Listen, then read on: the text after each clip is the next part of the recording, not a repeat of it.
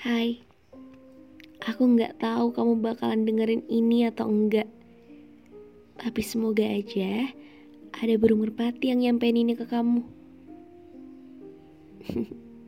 Udah lama banget ya ternyata kita menciptakan jarak.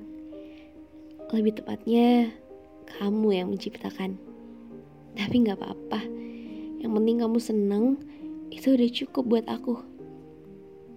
Lihatmu tertawa dan baik-baik saja hingga detik ini cukup untuk mengobati luka masa lalu yang ada. Soal diriku, tidak usah khawatir. Aku pun baik-baik saja walaupun banyak sedihnya.